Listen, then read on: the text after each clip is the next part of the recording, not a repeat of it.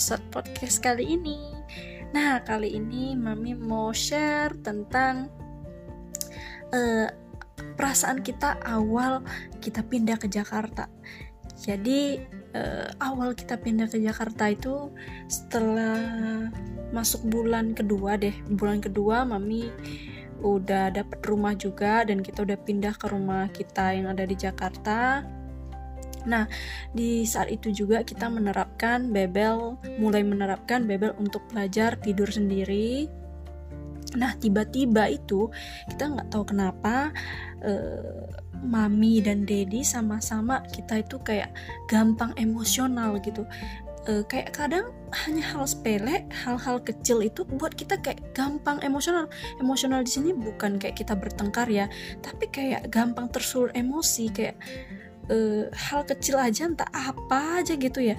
Kayak kita rasa mau mau marah aja gitu. Kayak misalnya satu hal kecil yang kayak nggak beres aja rasanya sepele banget sih masalahnya. Cuman itu pun gitu bisa buat kita rasanya emosi banget kesel banget gitu. Kita bingung kenapa. Kayak tiap hari kita tuh emosi gitu nah kalau mami mau cerita sedikit ya nggak tahu ya bagi yang percaya ini sih bagi biasanya orang Cina kita sebut ini feng shui gitu tapi kalau orang Jawa sebutnya apa Dedi? Kayak perambon atau apa gitu gitu ya di tiap uh, suku tradisi uh, uh, gitu. uh, punya banyak tradisi atau suku.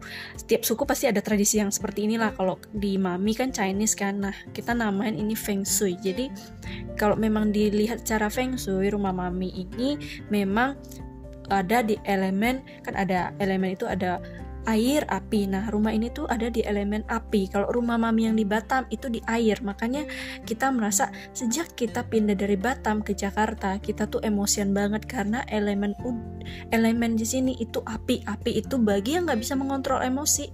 Nah, itu bakal sering emosian, sering marah-marah. Nah, kita menduga ya, kita menduga itu salah satu hal penyebab kita awal-awal pindah ke rumah ini tuh emosian banget. Emosi kita labil dan nggak stabil stabil banget. Iya, tapi di sini mau tambahin maksudnya bukan berarti kita percaya itu gitu, ya. cuma yeah. kita ceritakan kalau mau lihat dari sisi kadang uh, kan kalau misalnya kita percaya hal-hal itu ya uh, contohnya seperti itu, tapi bukan berarti kita bilang itu sesuatu yang gimana tapi intinya kita gak percaya gak percaya itu sepenuhnya mm-hmm. penyebab kita kita sampaikan aja ya gitu. kita sampaikan hmm. nah mungkin juga itu dari sana dari feng shui itu atau juga bisa jadi kan awal belajar pupuk sendiri tuh banyak banyak banyak banget dramanya panjang banget cerita drama Bebel itu uh, sampai kesekian bulan baru berakhir. Dan mami sekarang udah lega sih Bebel udah berhasil lewatin ini. Dan kita pun emosinya udah stabil kembali kita udah nggak labil lagi kayak awal-awal. Tapi kita melewati emosional seperti itu ada sekitar 3-4 bulan loh lama juga loh. Kita sampai saling mengingatkan satu sama lain. Jadi mami sama Dedi kita tiap malam itu bahas kok hari ini kita kayak emosional banget ya? Iya kayak agak aneh gitu. Biasanya kita tuh kayak cuman hal kecil gini kayak nggak emosional kenapa kita di sini kok bisa kayak gini? Kita heran sama diri kita sendiri. Nah Dedi tuh bilang kita nggak boleh kayak gini terus gitu. Ini nggak bagus buat kita. Emang bener kan e, kalau kita di emosional terus kan nggak bagus juga buat kesehatan tubuh kita sendiri kan.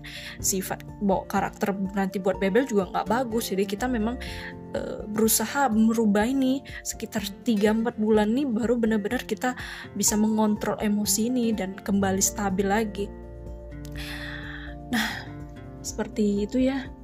Ya, mungkin gambarannya gambaran intinya sih kayak seperti itu. Jadi cok di sini mungkin jadi cok mau tambahin uh, kadang memang kita juga mencari tahu sih sebenarnya apa penyebabnya. Kita juga tidak tahu pasti kenapa Kenapa? Kadang kita hal-hal kecil itu kita kayak udah kayak emosi ini, tapi emosi bukan saling tengkar ya, tapi emosi diri kita sendiri. Kita merasa kayak uh, dumel banget, jengkel, dongkol banget gitu loh.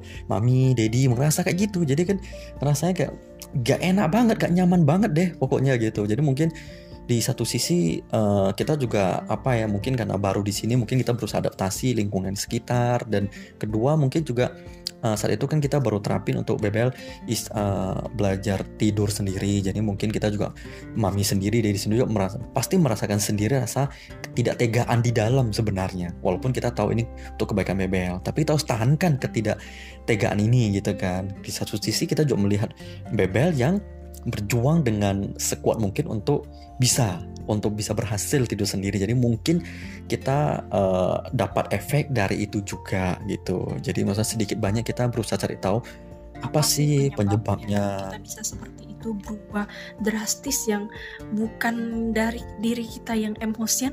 Kenapa bisa seperti ini gitu loh. Kita uh, mami ingat mami sempat satu malam mami juga nangis gitu. Mami mengingat kok kayak uh, di sini kok kayak beda banget gitu ya. Apa yang salah gitu ya? Jadi kita saling menguatkan support satu sama lain bahwa kita harus bisa kita harus bisa berubah.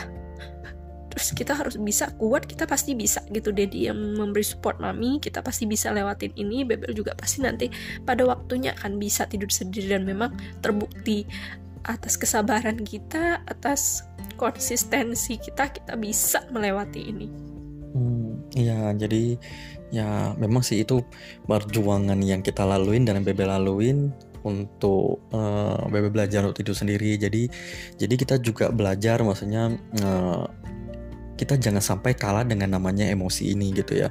Emosi ini pasti ada di setiap kehidupan manusia. Jadi kita selalu berdiskusi setiap malam, kita ngomong apa sih yang kita bisa ubah, apa sih kita bisa ubah untuk lebih baik. Jadi kita setiap kita tiap malam tuh kayak berdiskusi. Oh hari ini kita emosi di sini, kita cari tahu. Oh coba kita jangan kayak gini deh besok. Kita ubah pendekatan kita. Mungkin contoh biasanya kita lakukan A, besok kita jangan lakukan A, kita lakukan B coba. Jadi kita tiap hari itu ibaratnya introspeksi diri apa yang kita lakukan hari ini buat kita kesel jadi kita bilang jangan lakukan itu lagi besok dan saling mengingatin dan ini juga tarik ulur. Jadi contoh Dedi emosi nanti mami ingetin. Mami emosi Dedi ingetin. Tapi kadang habis ingetin oke okay. nanti besok ngulang lagi, lagi kayak ya. gitu. Jadi makanya kita dulu memang ini yang kita rasakan memang ini kita gak pernah share ya di Instagram ataupun di mana karena kita merasa ya ini sesuatu yang internal mami dan Dedi gitu kan. Jadi mungkin uh, teman-teman pernah lihat mungkin kok mami saya sabar apa. Jadi uh, kita manusia pasti ada, ada waktu dan situasi di mana kita gak bisa mengontrol emosi dari kita. Dan kita bingung itu dari mana gitu. Kadang hal-hal kecil anak mungkin ngelakuin kesalahan kecil apa gitu. Kita udah langsung tersulut emosi pengen marah pengen teriak pengen ngebentak uh, jangan ya kita jangan sampai kalah dengan emosi itu ya dan biarkan emosi itu menang dan mengontrol diri kita itu nggak bagus buat kita dan buat anak kita. Ya, jadi makanya akhirnya kita juga bersyukur, uh, bersyukur dengan Tuhan dan lingkungan dan Bebel juga dan saling support dari Mami dan Dedi. Jadi akhirnya kita bisa lewatin ini juga dan sekarang menurut ya. kita berat ditambah emosional emosi kita nggak stabil, tambah Bebel belajar untuk tidur sendiri itu uh, sangat challenging, menguras sangat menguras kesabaran. Jadi benar-benar itu momen yang menurut kita berat banget yang kita lewatin setelah kita punya anak. Iya, jadi makanya kita di sini juga mau memberikan uh, informasi deh, mungkin buat teman-teman yang dengar kalau misalnya teman-teman punya kehidupan, uh, kita nggak tahu ya kehidupan teman-teman itu seperti apa aja. Kadang-kadang mungkin kalau muncul situasi seperti itu, seperti muncul emosi yang kayak kita agak sadar di mana penyebabnya, kita jangan kalah, tapi kita introspeksi diri, kita ngomong diri sendiri, jangan sampai kita kalah, dan kita lihat apa sih yang buat kita emosi kemarin. Jadi hari ini kita tidak melakukan itu, jadi kita ubah polanya.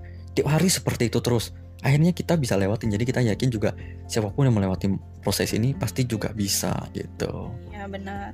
Jangan karena hanya hal kecil kita jadi bertengkar. Misalnya buat yang udah berkeluarga nih mungkin kadang mungkin ada cekcok satu dua hal lebih baik kita bicarakan. Kita cari satu waktu di saat anak udah tidur kita bicarakan apa yang harus kita rubah untuk menyelesaikan ini. Jangan biarkan emosi ini berlarut-larut dan akhirnya bakal makin besar suatu hari nanti.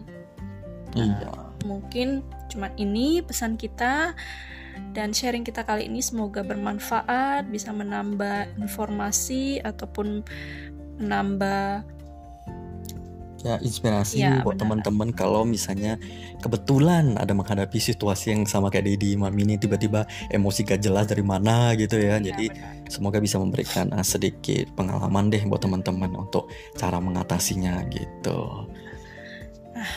Sampai di sini dulu podcast kita dan sampai ketemu di podcast selanjutnya. See you. See you.